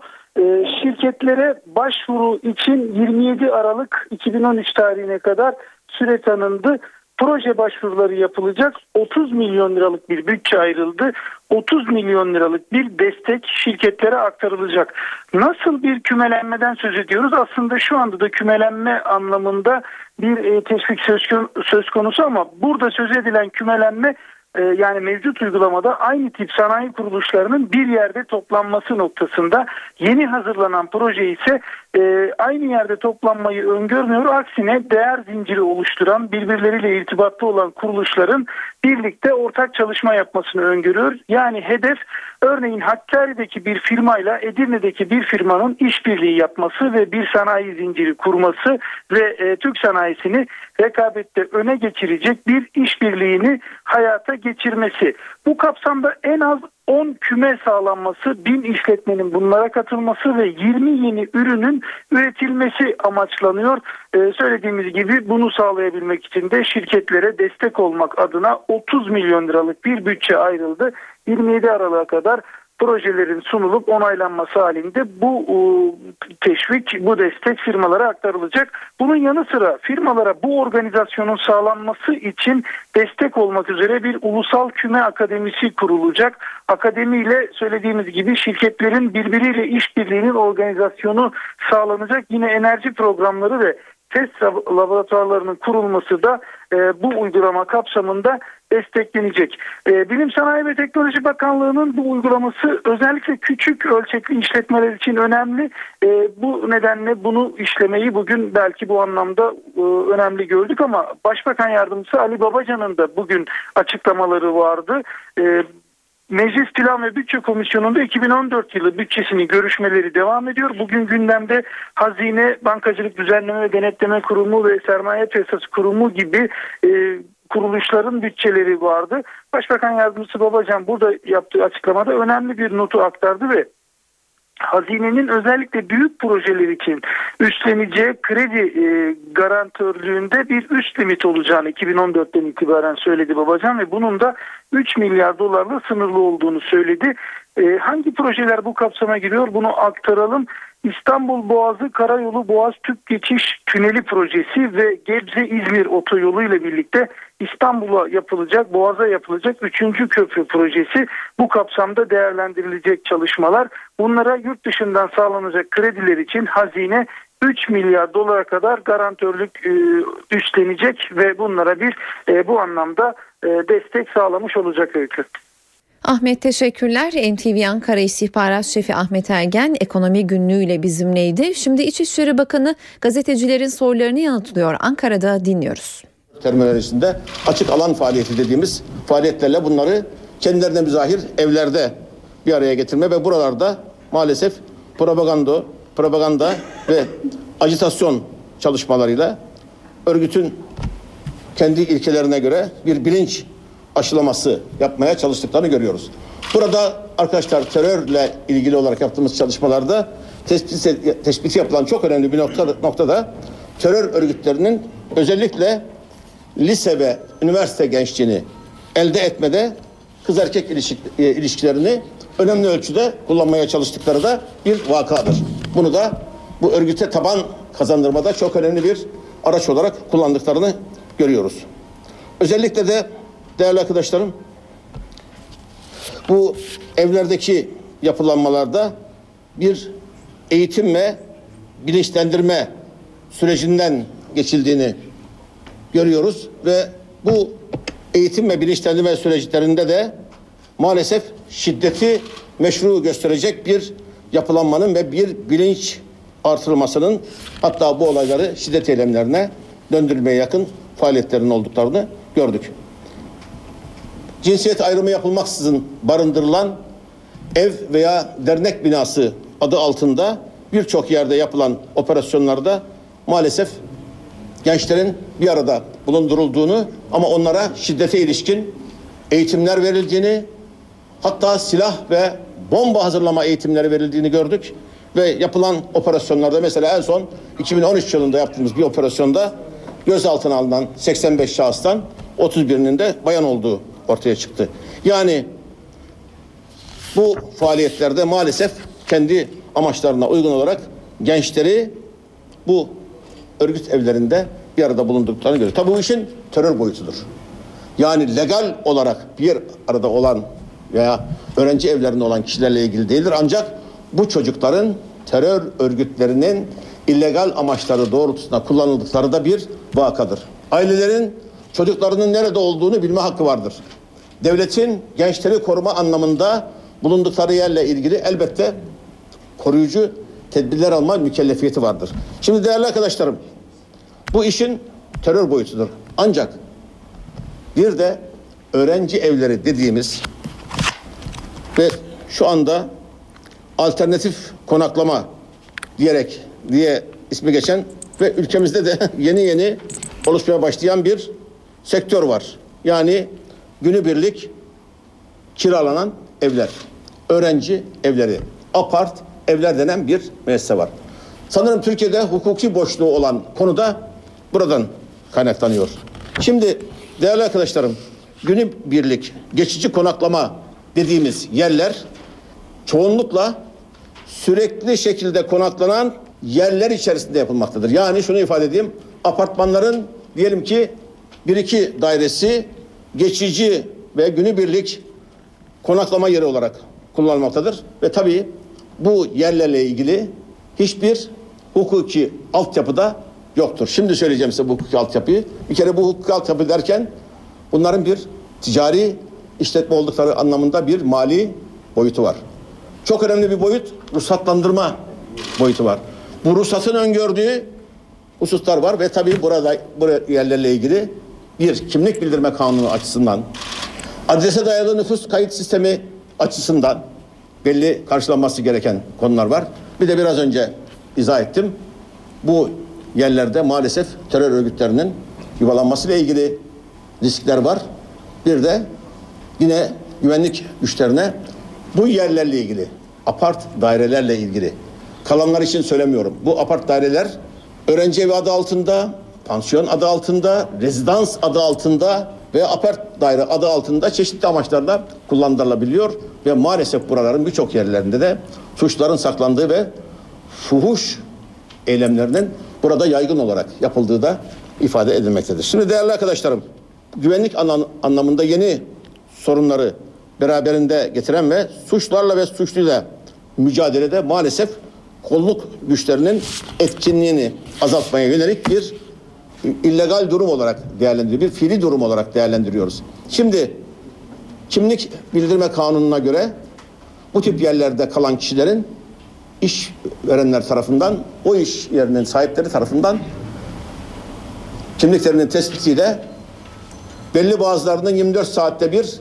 elektronik yolla güvenlik birimlerine bildirilmesi lazım veya her an her her, her e, durumda polisin kontrolüne açık hale getirilmesi lazım. Şimdi bu öğrenci evi veya pansiyon veya yurt adı altında kullanılan yerlerin çoğu maalesef ruhsatla işlem, ilgili işlemlerin yere- yerine getirmiyor. Bir kere bunların çalışma ruhsatlarının olması lazım. Çalışma ruhsatları da eğer apart otel olarak kullanılıyorsa turizm tesisi olarak Turizm Bakanlığı'ndan ruhsat alması lazım. Eğer apart daire olarak kullanılıyorsa belediyelerden iş yeri açma ruhsatı alması lazım. İş yeri açma ruhsatı aldığı zaman da değerli arkadaşlarım bir, o yerlerle ilgili sağlık şartları yerine gelmiş midir? İki, yangınla, yangından korunmada gerekli önlemler var mıdır? İmarla ilgili gerekli önlemler var mıdır? Bütün bunların artı kat mülkiyeti kanuna göre o apartmanda oturan kat maliklerinin bu konuda muvaffakatı var mıdır? Bütün bunların aranması lazım. Şimdi hukukumuzda apart daire diye bir düzenleme yok. Biz bunu e, iş yeri açma ve çalıştırma ruhsatına tabi yerler olarak değerlendiriyoruz. Bugünlerde bakanlığımızdan bu konuda bir genelge yayınlanacak ve bu genelgede biz bu tip apart dairelerin polis tarafından kontrol edilmesini hem kimlik bildirme kanunu yönden hem adrese dayalı eğer sürekli oturulan bir yerse nüfus idarelerine 20 gün içerisinde burada oturan kişilerin isimlerini bildirmesi lazım. Eğer bir konaklama yeri ise kimlik bildirme kanununa göre bildirmesi lazım. Eğer ticari anlamda bir kiralama varsa bu kiralama akdinin maliyeye bildirilmesi lazım. Aynı zamanda bir kayıt dışı ekonomi olarak da belli riskleri olduğunu söylemek durumundayım. Değerli arkadaşlarım, fuhuşla mü- mücadele boyutunu bu apart daire veya rezidans gibi kullanılan yerlerde çok sayıda yapılan operasyonda bu yerlerin fuhuşa teşvik ve aracılık ve yer temini gibi amaçlarla da kullanıldığı görülmektedir. Şimdi terörle ilgili boyutunu da size biraz önce söyledim. Ancak şunu tekrar söylüyorum. İş yeri ruhsatları yönü itibariyle bu yerlerin sağlık şartlarına, imar şartlarına, diğer güvenlik şartlarına ve kat maliklerinin onayına da bağlanması lazım.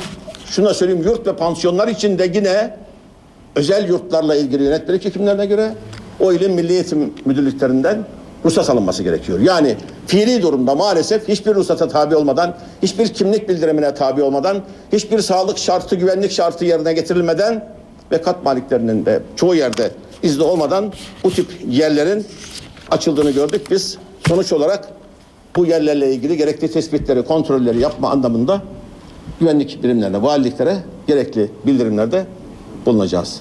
Sayın Bakanım ek bir soru olarak şimdi anladığım kadarıyla sizin önlemleriniz bu günlük kiralanabilen apartlara yönelik olacak. Evet Ama bizim şu anda yaptığımız işlemler buna ilişkin ve ekliyorum öğrencilerin maalesef terör örgütlerinin amaçları doğrultusunda barındırıldıkları ve orada illegal faaliyetlerin yapıldığı yerlerle ilgilidir. Benim de ifadem bu çerçevede olmuştur. Başta da ifade ettim. Eğer bu konuda bir hukuki boşluk varsa biraz önce söylediğim konularda ayrıca bunlarla ilgili bir hukuki düzenleme yapılabilecektir. Aslında Evet. akıldaki soru şu Sayın Bakanım yani son bir e, soru olarak. Şimdi bir kız öğrenci ve bir erkek öğrenci bir evde günlük olmayan bir kiralık evde bir araya geldiler ve e, güvenlik şubesinde atıyorum hak- haklarında herhangi bir terör örgütüne mensup oldukları yönünde herhangi bir istihbaratı yok. Buna yönelik bir önlem, bir e, önleme... Değerli arkadaşlarım söylediğim konu bunlarla ilgili değildir. Biraz önce de ifade ettim. Benim ifade ettiğim şey özel hayatın korunmasına ilişkin bütün e, özgürlüklerin korunmakta olduğuna bunlarla ilgili herhangi bir müdahalenin olmadığı yönündedir. Valiliklerimize intikal eden ve valilikler tarafından işlem yapılan konuların bu konular olduğunu söyledim. Yani işin bu öğrenci evlerinde ister erkek öğrenciler, ister kız öğrenciler, ister beraberce kalma durumu olsun ki terör örgütlerinin bu konuda karma bir ev modelini tercih ettiklerini, bu ilişkileri kullanarak terörle ilgili faaliyetlerini taban kazanma, eleman temini yollarını seçtiklerini söyledim ve buralarla ilgili yapılan tespitler terör örgütü faaliyetleri olduğunu söyledim. Ve tabii ki bu yerlerin hukuki durumu itibariyle de eğer apart daire olarak kullanılıyorsa ki apartmanlardan birçok şikayetler var. Tabii işin bir de e, çevre kanunu, gürültü kirliliğini e, kapsayan kabahatler kanununa giren ayrı bir boyutu da var. Bu takım şikayetler bize intikal ettiği zaman biz bakıyoruz. Gerçekten de burası bir yurt mudur? Pansiyon mudur? Apart otel midir? Ruhsat alınmış mıdır? Gerekli önlemler burada var mıdır? Buna bakmak durumundayız ama gençlerimizin korunması anlamında buralarda biraz önce de söyledim. Çok sayıda fuhuşa teşvik, fuhuş için yer temini gibi çalışmaları da bu apart dairelerin kullanıldığı konusu polisin tespitleri içerisindedir. Bunlara tabii ki toplumun dikkatini çekmek, elbette gençliği de bu anlamda korumak, aileyi de korumak anlamındaki tedbirlerimizi ifade ettim. Bunlarla ilgili tabii incelemeler yapılıyor. Eğer hukuki bir eksiklik varsa onlar da tamamlanacaktır ama bu öğrenci yurtlarıyla ilgili, öğrenci evleriyle ilgili düzeltiyorum. Apart daire konusu mutlaka tekrar söylüyorum değerli arkadaşlarım.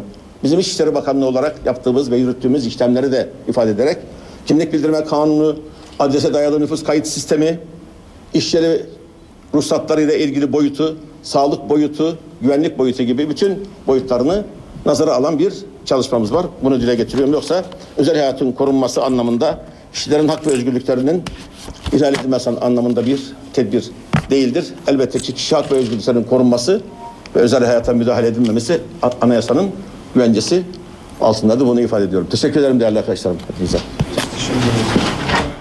İçişleri Bakanı Muammer Güler Ankara'da gazetecilerin sorularını yanıtladığı bir bölümünü canlı olarak aktardık. Saat 18.38 ben Öykü Özdoğan eve dönerkenle yeniden karşınızdayız. İstanbul'u yılın 12 gününü trafikte geçiriyor. Bir navigasyon firması dünya metropollerinde trafik akışını inceledi. Dünyada en yoğun trafiğe sahip kent Moskova olarak açıklandı. Moskova'yı İstanbul izledi.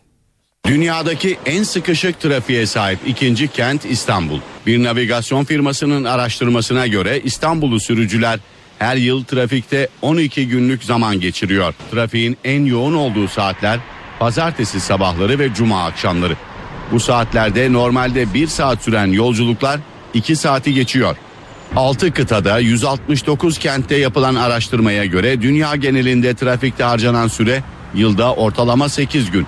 Dünyada trafiğin en yoğun olduğu kent Rusya'nın başkenti Moskova. Moskova'yı Brezilya'dan Rio de Janeiro, Polonya'dan Varşova takip ediyor. Roma, Paris ve İsveç'in başkenti Stockholm'de listede ilk 10'da yer alıyor. Araştırmada durgunluktan çıkan ekonomilerde trafik sıkışıklığının arttığına dikkat çekildi. Trafik sorununu çözmek içinse yeni yollar yapmak veya yolları genişletmenin artık işe yaramadığına vurgu yapıldı. Araştırmaya göre çözüm için küresel düzeyde çok daha kapsamlı fikirlere ihtiyaç var. Bursa'dan İstanbul'a havadan da ulaşım artık mümkün. Bursa Büyükşehir Belediyesi İstanbul'a helikopter seferleri başlattı. Özellikle iş adamlarına yönelik uygulama Türkiye genelinde yaygınlaştırılacak. Helikopter taksiyle Bursa İstanbul arası 25 dakika. Sabah ve akşam saatlerinde karşılıklı iki sefer yapılıyor. İstanbul'daki iniş noktaları Kadıköy, Beşiktaş ve Atatürk Havalimanı. Talep artarsa tarifeli seferlerin dışında da uçuşlar gerçekleşecek. Buradan heliport dediğimiz e, Burlaş'ın arazisinden kalkan bu helikopterler İstanbul'un değişik noktalarında orada 100 ayrı nokta var İstanbul'da helikopter indirebileceğimiz buraları kullanabiliriz. Seferler 6'şar kişilik 13 helikopterle başladı. Heli taksiyle kişi başı Bursa'dan Kadıköy'e 300, Beşiktaş'a 325, Atatürk Havalimanı'na ise 350 liraya uçulabiliyor. İlerleyen dönemde Türkiye'deki farklı noktalar ve yurt dışına da uçuşlar planlanıyor. Uzaydan dünyaya atlayan adam Avustralyalı Felix Baumgartner Türkiye'de. NTV'den Korhan Varol'a konuşan Baumgartner tarihi atlayışı sırasında neler hissettiğini anlattı. Gerçekten çok önemli bir andı. Orada dururken tek başınasınız. Dünyaya bakıyorsunuz ve her şey karanlık. Aynı zamanda acele etmeniz gerekiyor. 10 dakikalık nefesiniz var. Büyük bir nefes aldım ve atladım. Tarihe geçtim. Felix Baumgartner 39 kilometre yüksekten uzaydan dünyaya atladı. O anda ne hissettiklerini NTV'ye anlattı. Gerçekten tarihe geçecek bir şey yapacaktım. Gerçekten çok özel bir andı. Bir şeyler yanlış giderse yardım edecek kimse yoktu. Benim için hayatımdaki en önemli anlardan biriydi. Bir daha asla oraya gitmeyecektim ve bunun tadını çıkardım. Dünya rekoru kırdığı atlayışa ailesinin karşı çıktığını, annesinin çok kaygılandığını söyledi. Annem her zaman benimle ilgili kaygı duyuyordu. Kendimi bir kapsüle sıkıştırıp binlerce mil yukarıya çıkmamdan hiç memnun değildi. Annemle birlikte atlayışı izledik. Çok fazla ağladığını söyleyebilirim. Fakat yeryüzüne indiğimde çok mutlu oldu. Avustralya'da Baumgartner ölümden korkmuyor. En büyük korkusu En çok korktuğum şey yaptığım işi bir daha yapamamak. Her zaman kendimi en iyi şekilde hazırlamaya çalışıyorum. Felix Baumgartner'ın bir sonraki hedefine gelince. Bir süre sonra emekli olmayı düşünüyorum. Çünkü her şeyi başardığımı düşünüyorum. Başka bir şeyler yapmak istiyorum. Eve dönerken spor gündemindeki gelişmelerle devam ediyor. Galatasaray kazanması halinde Şampiyonlar Ligi'nde ikinci tura çok yaklaşacağı maçtan puansız döndü. Sarı Kırmızılı takım Danimarka deplasmanında Kopenhag'a tek golle yenilerek 4 puanda kaldı. Temsilcimizin aldığı bu sonuçta bulunduğu B grubunda hesaplar karıştı. Grupta oynanan dördüncü maçlar sonrası teknik direktörler Roberto Mancini, Steil Solbakken, Carlo Ancelotti ve Antonio Conte ikinci tur için takımların şanslarını değerlendirdi. Şampiyonlar Ligi'nde Galatasaray'ın bulunduğu B grubunda bitime 2 maç kala düğüm çözülmüş değil. 10 puanı bulunan Real Madrid grup lideri olarak üst tura çıkmayı büyük oranda garantilemiş görünüyor. Galatasaray, Juventus ve Kopenhag arasında ise kalan haftalarda büyük bir ikincilik savaşı verilecek. Galatasaray'ın bir sonraki maçı Real Madrid'de deplasmanda. Juventus ise Kopenhag'ı ağırlayacak.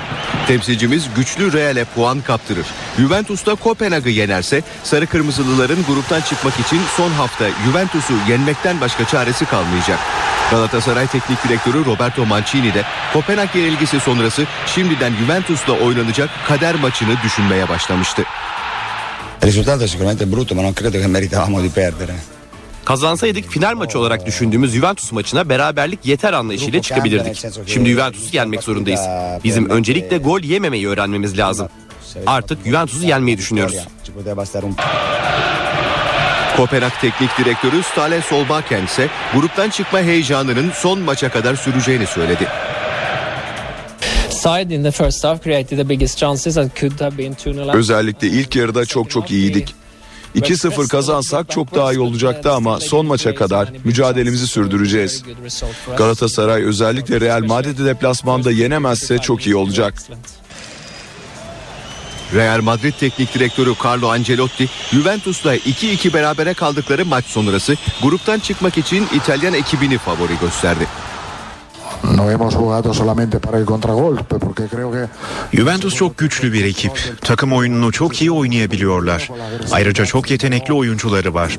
Bu gruptan bizimle birlikte Juventus'un çıkacağına inanıyorum. Real Madrid'i kalecisi Iker Casillas'ın kurtardığını savunan Juventus Teknik Direktörü Antonio Conte de gruptan çıkmak için umutlu konuştu. ripeto Harika bir oyun ortaya koyduk. Rakibe ipleri kaptırdığımız 20 dakikalık bölümde 2 gol yesek bile oyuncularım savaşmaya devam etti. Gruptan çıkma şansımız sürüyor. Önce Kopenhag'ı yenmeliyiz. Ardından Galatasaray karşısında istediğimiz sonucu almak için elimizden gelen her şeyi yapacağız. Fenerbahçe'de Gökhan Gönül'den sevindirici haber geldi. Tamamen iyileşen deneyimli oyuncu Galatasaray derbisinde forma giyebilecek. Spor Toto Süper Lig'de pazar günü Galatasaray'ı konuk edecek Fenerbahçe'de Gökhan Gönül sevinci yaşanıyor. Milli takım dönüşü antrenmanda arka adelesinden sakatlanan deneyimli oyuncu Kayseri Erciyesspor, Gaziantepspor ve Bursa Spor maçlarını kaçırmıştı. Kulüp doktorlarının derbiyi yetiştirmek için yoğun çaba sarf ettiği Gökhan Gönül tedaviye olumlu yanıt verdi. Yıldız futbolcu son antrenmanının tamamında takımla çalıştı. İkili mücadelelerde dinç gözüken Gökhan antrenman maçındaki performansıyla da göz doldurdu. Teknik direktör Ersun Yanal'ın Gökhan Gönüllü Galatasaray derbisinde ilk 11'de oynatması bekleniyor. Galatasaray derbisine hazırlanan Fenerbahçe'de son antrenman iddialı maçlara sahne oldu. Üç takıma ayrılan futbolcular turnuva yaptı. Oyuncuların istekli görüntüsü teknik direktör Ersun Yanal'ın yüzünü güldürdü. Spor Toto Süper Lig'de pazar günü Galatasaray'ı konuk edecek Fenerbahçe derbinin hazırlıklarını sürdürüyor. Sarı lacivertlerin son çalışması kıran kırana geçti.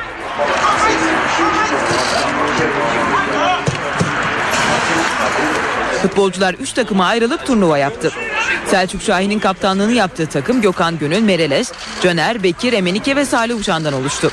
Emre Belezoğlu'nun takımında Sov, Mehmet Topuz, Hormen, Yobo, Alper ve Kadleç yer aldı. Christian'ın takımında ise Kayt, Bruno Alves, Vebo, Mehmet Topal, Egemen ve Hasan Ali Kaldırım vardı. Maçlar sert ve yüksek tempoda geçti. Teknik direktör Ersun Yanal oyuncuların ortaya koyduğu mücadeleden memnun kaldı. Üçlü turnuvayı kazanan Christian Barone'nin takımı oldu. Fenerbahçe Başkanı Aziz Yıldırım Galatasaray derbisi öncesi kulüp dergisine açıklama yaptı. Sarı lacivertli takımın derbide üstüne düşen görevi en iyi şekilde yerine getirmesini isteyen Başkan Yıldırım, Galatasaraylı yöneticilerden gerginlik yaratacak mesajlardan kaçınmasını istedi. Fenerbahçe'de başkanlığa yeniden seçilen Aziz Yıldırım kulübün aylık dergisine büyüklük geride bırakabilmektir başlıklı bir yazı yazarak hafta sonu oynanacak Fenerbahçe Galatasaray derbisi hakkında açıklamalar yaptı. Taraflı tarafsız herkesin saygı duyduğu bir takıma sahip olduklarını belirten Başkan Yıldırım, kazanma ve mücadele hırsı üst düzeyde olan karakterli bir futbol takımımız var. Sizlerden önemli ricam aynı saygının ezeli rakibimizden de esirgenmemesidir. Her konuda örnek olan kulübümüzün bu konuda da üzerine düşen sorumluluğu yerine getireceğine olan inancım tamdır, dedi. Derbi öncesi Sarı Lacivertli taraftara seslenen Aziz Yıldırım, taraftarlarımız rakip takım oyuncu ve yöneticilerine yönelik herhangi bir davranış ya da hakaret içeren söylemlerde bulunmadan sadece takımını desteklemeli. Taraftarımızın sonuç ne olursa olsun her iki takımın oyuncu ve temsilcilerine hak ettikleri saygıyı göstereceklerini biliyorum, dedi. Derbinin dostluk içinde geçmesi temennisinde bulunan Aziz Yıldırım, rakip kulüp yönetici arkadaşlarımızın da tıpkı bizlerin yapacak olduğu gibi müsabaka öncesinde spor ve dostluk dışında kamuoyunda gerginlik yaratacak mesajlardan kaçınmasını, bunun bir spor ve şölenden başka bir şey olmadığını unutmamalarını diliyorum ifadesini kullandı. Beşiktaş Yönetim Kurulu üyesi Ahmet Kavalcı'dan Manuel Fernandes ve Hugo Almeida konusunda önemli açıklamalar geldi. Kavalcı her iki oyuncuyla anlaşmaya yakın olduklarını ve yılbaşında imzaların atılmasını beklediğini söyledi. Nevzat Demir tesislerinde gerçekleştirilen antrenmanı Beşiktaş Yönetim Kurulu üyesi Ahmet Kavalcı da izledi. Basın mensuplarıyla sohbet toplantısı gerçekleştiren Kavalcı gündeme yönelik açıklamalarda bulundu. Fernandez ve Almeida ile %80 anlaşacaklarını belirten Ahmet Kavalcı, teknik direktörümüz Bilic bu iki oyuncunun takımda kalmasını istiyor. Yapılan görüşmeler sonucu yıllık ücretlerde anlaşma sağlamış durumdayız. Biz bir teklif önerdik, onlar da bir teklif önerdi. Şu an ortada buluşmuş durumdayız. Anlaşmazlığı yaratan konuysa istenen imza paraları. Kulübün menfaatleri doğrultusunda hareket ediyoruz. Tahmin ediyorum ki yılbaşında anlaşma sağlanır ve her iki oyuncu da takımda kalır ifadelerini kullandı. Ahmet Kavalcı ara transfer döneminde kendilerine teknik heyet tarafından ulaştırılacak rapora göre hareket edeceklerini belirterek şu anda Bilic tarafından bize ulaşan bir transfer raporu yok. Eğer rapor gelirse değerlendiririz dedi. Alınan cezaların kötü gidişe etken olduğunu dile getiren Kavalcı, Beşiktaş hedefi olan bir takım bu gidişin düzeleceğinden şüphemiz yok. Ayrıca Sezer Öztürk'e 120 bin euro, İbrahim Toraman'a da 175 bin lira para cezası uygulandı. Beşiktaş kuralları olan bir takım burası kavga etme yeri değildir şeklinde konuştu. UEFA Avrupa Ligi J grubundaki dördüncü maçında Lejia Varşova ile deplasmanda karşılaşacak Trabzonspor bu sabah özel uçakla Polonya'ya gitti. Karadeniz ekibinde sakatlığı bulunan Yusuf Erdoğan kafilede yer almazken iyileşen Mustafa Kolmansa kadroya dahil edildi. Maç öncesi son antrenmanını Lecce stadında yapacak olan Bora Mavililer'de çalışma öncesi teknik direktör Mustafa Akşay ile iki oyuncu basın toplantısı gerçekleştirecek. Trabzonspor deplasmandan galibiyetle dönmesi halinde ikinci tura çıkmayı büyük oranda garantileyecek. Yarın saat 22.05'te başlayacak Lejia Varşova Trabzonspor maçı NTV, NTV Spor, Smart ve NTV Radyo'dan canlı olarak yayınlanacak. Karşılaşmayı Fransa Futbol Federasyonu'ndan Rudy Boquet yönetecek. Sivas Spor Teknik Direktörü Roberto Carlos, şampiyonluk için savaşan takımlar arasında yerlerini aldıklarını söyledi. Brezilyalı teknik adam, Bursa Spor'u yenmeleri halinde zirveye zorlayacak hale geleceklerini ifade etti. Süper Lig'deki son 5 maçından 13 puan çıkaran ve 3. sıraya yerleşen Sivas Spor'da moraller yerinde. Teknik direktör Roberto Carlos, Gaziantep Spor galibiyetinden sonra Sivas Spor'un da şampiyonluk için savaşan takımlar arasında yer aldığını söyledi. Carlos artık Bursa Spor maçının daha da önem kazandığını dile getirdi. Gaziantep spor maçı öncesi iki maçta 180 dakika çok iyi oynamamız gerekiyor demiştim. İyi bir 90 dakika geçirdik. Kaldı 90 dakika. Bu 90 dakikayı da iyi geçirip iyi bir sonuç almaya çalışacağız. Sonra daha yukarıları nasıl zorlayabiliriz diye ligdeki konumumuza bakacağız. Roberto Carlos ligde en çok Kasımpaşa karşısında aldıkları yenilgiye üzüldüklerini sözlerine ekledi. Gaziantep Spor deplasmanda 4-0 yenen Sivas Spor maç sonrası kente dönerek ara vermeden Bursa Spor mücadelesinin hazırlıklarına başladı. Antrenmana sakatlığı bulunan John Utakay'la dinlendirilen Ziya Erdal katılmadı. Antrenmanı Sivas Spor As Başkanı Faruk Taşseten'le Sivas Garnizon ve 5. Piyade Eğitim Tugay Komutanı Tuğgeneral Fatih Celalettin Sağır da izledi. Roberto Carlos sağ kenarında Tuğgeneral Sağır'la sohbet etti. Tuğgeneral Sağır'ın şampiyonlukla ilgili sözleri üzerine Carlos, şampiyonluk için savaşan takımlar arasında biz de artık yerimizi aldık. Takıma bu mentaliteyi getirdik dedi. Karabükspor hafta sonu sahasında Çaykur Rizespor'la oynayacağı maçın hazırlıklarını sürdürüyor. Acil 3 puan ihtiyaçları olduklarını belirten Karabükspor Teknik Direktörü Tolunay Kafkas, sahalarında oynayacakları Rizespor'u yenerek üzerlerindeki şanssızlığı kırmak istediklerini söyledi. Biliyorsunuz ligin flash takımlarından biriyle oynayacağız. Oynayacağımız her maç gerçekten çok zorlu geçiyor. Ben hani ligin 10. haftası ama bu ligin altından daha çok suların geçeceğini düşünüyorum. Çok farklı e, işlerin olacağını düşünüyorum. Yani çünkü her takım her takımdan puan alabilecek ve kazanabilecek durumda. Fakat bizim acil bir 3 puana ihtiyacımız var. Bu da önümüzdeki ilk maç olan Rize Spor maçı. E, kazanmak için sahada her şeyi yapacağız. Umarım futbol şansı da bizden yana olur. Ee, Gerçekten iyi bir takım olduk fakat tek sıkıntımız e, iyi oynamamıza rağmen kazanamama durumumuz var haftalardır.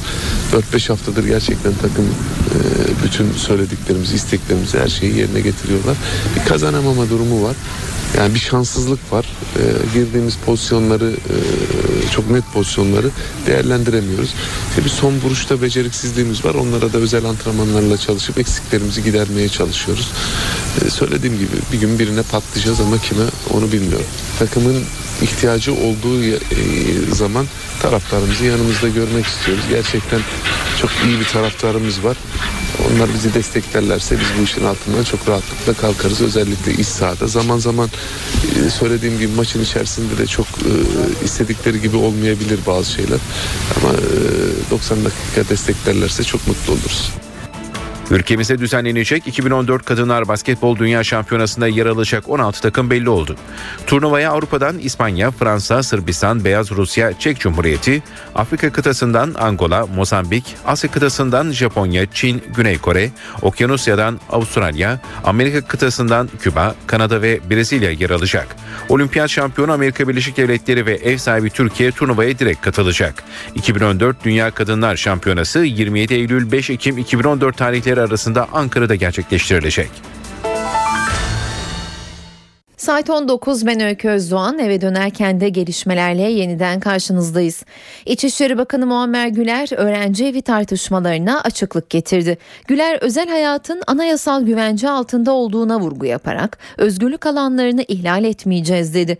Bakan burada olaya öncelikle terörle mücadele çerçevesinde bakıyoruz. Günübirlik kiralanan apart daireler konusunda bir genelge yayınlayacağız dedi. Güler Türkiye'de maalesef alternatif konaklama denen bir sektör oluştu. Bu tip yerlerde fuhuş ve silah eğitimi verildiği gözlendi. Hukuki boşluk olan konu da buradan kaynaklanıyor dedi. Başbakan Erdoğan resmi ziyaret için gittiği Finlandiya'da öğrenci evleri tartışmasıyla ilgili yeni değerlendirmelerde bulundu. Erdoğan, halkımızın özel hayatı bizim teminatımız altındadır dedi. Ardından da meşru hayat, gayrimeşru hayat vardır. Yasalar çerçevesinde adımlarımızı atarız ifadesini kullandı. Türkiye'de son zamanlarda özellikle son günlerde artan bir rahatsızlığı var bazı kesimlerde. Yani e, böyle bir iddia var ki siz ve sizin hükümetiniz e, insanların özel hayatına daha fazlası müdahale ediyor. Hatta onların hayat e, tarzına müdahale etmek üzeresiniz. Ya en son, en son örnek bu e, kız e, erkek e, öğrencilerin oturma koşulları yani özel evde kalmasın böyle bir şeyler. Bunu niye gerek görüyorsunuz? Değerli arkadaşımı birileri herhalde özel olarak görevlendirmiş. Öyle anlıyorum. 11 yıldır başbakanım. Because I've been prime minister for 11 years. Dört buçuk yıl belediye başkanlığım var. And I was mayor for four and a half years before that. Biz kimsenin özel hayatına bugüne kadar müdahale etmiş değiliz. And we have never intervened in anyone's private Eğer life this birilerinin özel hayatına müdahale etmiş bir iktidar olmuş olsaydık Türkiye'de iki kişiden bir kişinin oyunu almazdık. And had we done that, we would not have gotten the vote of one out of every two people in Turkey. Bu konuda bizim en büyük teminatımız halkımızdır. Our greatest assurance in this respect is our people. Ve üç dönemdir oyları arta arta yükselen bir iktidar olarak şu anda geldiğimiz nokta bunun teminatıdır. and the fact that we have been for three consecutive terms increasing our votes. Ve halkımızın özel yaşamı, özel hayatı bizim teminatımız altındadır. And the private lives of our people are under our guarantee.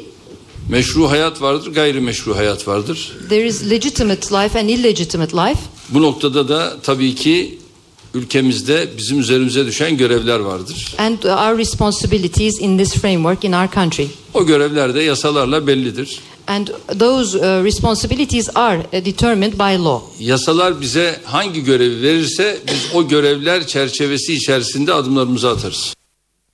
CHP lideri Kemal Kılıçdaroğlu öğrenci evleri tartışmasına bugün de Twitter üzerinden katıldı. Başbakan Erdoğan'a seslenen CHP lideri kız erkek başı açık başı kapalı sen ben Alevi Sünni yeter artık insanlara ne zaman birey olarak bakmayı öğreneceksin başbakan dedi.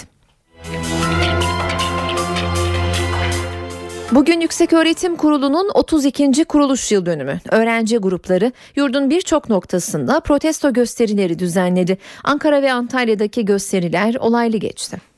Akdeniz Üniversitesi'nde YÖK protestosunda olaylar çıktı. Öğrenciler YÖK'ün kuruluş yıl dönümünü protesto için rektörlük binasına yürümek istedi. Özel güvenlik görevlilerinin müdahalesi üzerine arbede çıktı. Kampüse giren 300 çevik kuvvet polisi Toma ve panzerlerle öğrencilere müdahale etti. Müdahaleye öğrenciler taşla karşılık verdi. 3 güvenlik görevlisi yaralandı, 5 öğrenci gözaltına alındı. Rektörlük önünde bekleyen öğrenciler gözaltına alınan arkadaşlarının serbest bırakılmasını istedi. Ankara'da ise Yüksel Caddesi'nde toplanan bir grup öğrenci YÖK'ü protesto için basın açıklaması yaptı. Açıklamanın ardından polis öğrencileri dağılmaları yönünde uyardı. Öğrenciler dağılmayınca biber gazıyla müdahale etti. Eylemciler ara sokaklara dağıldı. 6 kişi gözaltına alındı. İstanbul'da ise eylemlerin adresi Beyazıt Meydanı oldu. Aksaray ve Eminönü'nde toplanan üniversite öğrencileri Beyazıt'a yürüdü. Yaklaşık 3000 kişilik grup meydanda YÖK'ü protesto etti. Cumhurbaşkanı Abdullah Gül onayladı. Nevşehir Üniversitesi'nin adı Nevşehir Hacı Bektaş Veli Üniversitesi, Siirt'in Aydınlar ilçesinin adı Tilli olarak değişti. Cumhurbaşkanlığından yapılan açıklamada Gül'ün Nevşehir Üniversitesi'nin adının Nevşehir Hacı Bektaş Veli Üniversitesi, Siirt'in Aydınlar ilçesinin adının Tilli olarak değiştirilmesini öngören yasayı onayladığı bildirildi. Böylece demokratikleşme paketinin öngördüğü ilk yasal düzenleme gerçekleşmiş oldu. Anayasa Uzlaşma Komisyonu'nda dört partinin üzerinde uzlaştığı 60 maddenin bir paket halinde meclisten geçirilmesi zor görünüyor. CHP Grup Başkan Vekilleri yarın AK Parti kurmaylarına 60 madde gündemiyle iadeyi ziyaret gerçekleştirip diğer partilerle de anlaşın diyecek. Ancak MHP anayasanın parça parça yapılmasına karşı. Yeni anayasa için 60 maddeli kısmi uzlaşma ihtimali zayıflıyor. AK Parti Grup Başkan Vekillerinin iki hafta önce CHP'yi ziyaretiyle gündeme gelen anayasa paketine CHP mesafeli yaklaşıyor. AKP ile tek başına mı yola devam edeceksiniz? Hayır böyle bir şey söz konusu bile değil. Dörtlü mutabakat olduğu sürece dörtlü mutabakat çevresinde hareket etme sözümüzde duracağımızı söylüyoruz. CHP'den gelen bu açıklamaya yanıt AK Parti Grup Başkan Vekili Ahmet Aydın'dan geldi. Aydın 60 madde teklifinin CHP lideri Kılıçdaroğlu'ndan geldiğini hatırlattı. CHP'nin hayır demesi halinde uzlaşma komisyonunun da çalışmalarının bitebileceğinin sinyalini verdi.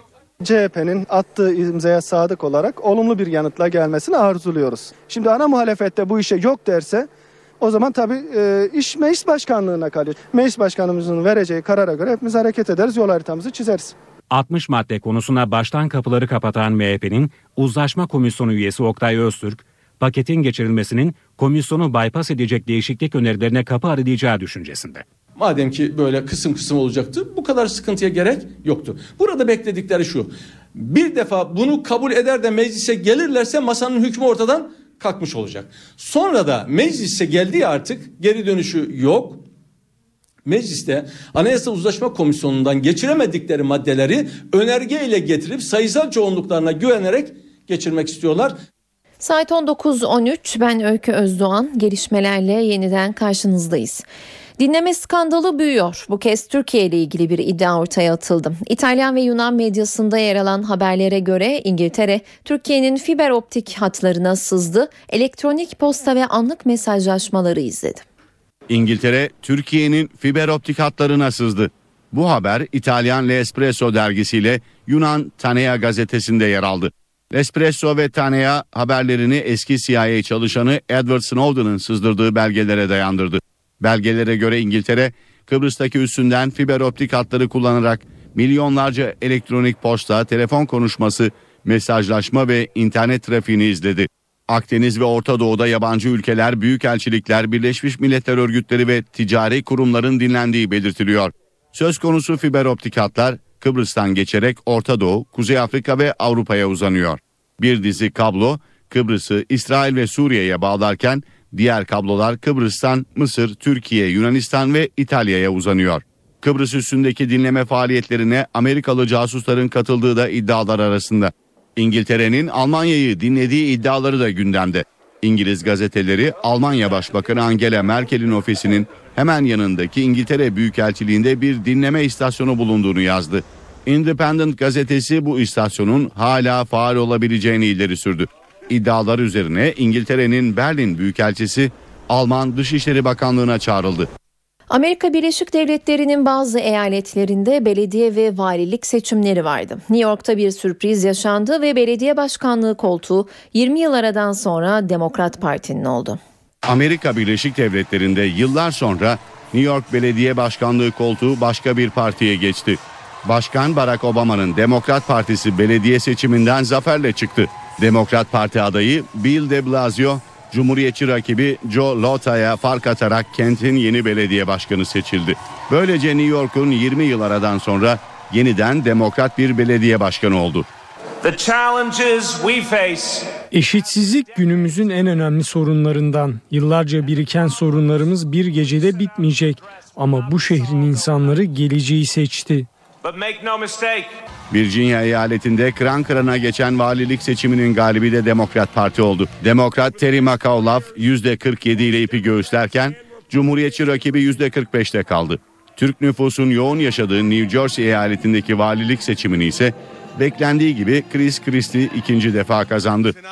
2016'da Cumhuriyetçilerin muhtemel başkan adaylarından biri olarak gösterilen Christie %60 oy oranıyla Demokrat rakibine fark attı.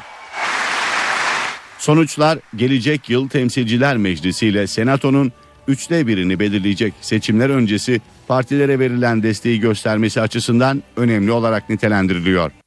İsrail'de eski Dışişleri Bakanı Avigdor Lieberman hakkındaki yolsuzluk suçlarından aklandı. Başbakan Netanyahu bu aklamanın ardından Lieberman'ın tekrar kabineye gireceğini açıkladı. Netanyahu görevi kötüye kullanma ve dolandırıcılık suçlamalarından aklanan Lieberman'ın ancak hangi görevi üstleneceğini açıklamadı. Türkiye karşıtı görüşleriyle bilinen Lieberman'ın yeniden Dışişleri Bakanlığı'na dönmesi muhtemel. Zira Başbakan Netanyahu yöneltilen suçlamaların ardından Dışişleri Bakanlığı Bakanlığı görevini bırakan Lieberman'ın yerine yeni bir isim atamamış ve Dışişleri Bakanlığı görevini kendisi yürütmüştü. Eve dönerken kültür sanatla bitiriyoruz. Günün etkinliklerinden özetler sunacağız şimdi. Ben Öykü Özdoğan. Yarın akşam aynı saatte karşınızda olacağız. Şimdilik hoşçakalın. Borusan Müzik Evi yeni sezonunu bu akşam açıyor. Borusan Müzik Evi yeni sezonda da Türkiye ve dünyanın önde gelen müzisyenlerine ev sahipliği yapmaya devam ediyor. Yeni sezonun ilk konserinde New Yorklu grup Bang on a Can All Stars İstanbullu müzik severlerle buluşuyor. 25 yıldır klasik, caz, rock, dünya müziği ve deneysel müzik arasında dolanan çizgisiyle bilinen Bang on a Can All Stars, İstanbul konserinde 3 yapıtın Türkiye premierini gerçekleştirecek. Konserde ayrıca Erdem Helvacıoğlu'nun yeni yapıtının dünya premierinin yapılacağını da ekleyelim. Performans saat 20.30'da Borusan Müzik Evi'nde. Atilla İlhan Salonu'nda da tango ritüel sanatseverlerle buluşuyor bugün.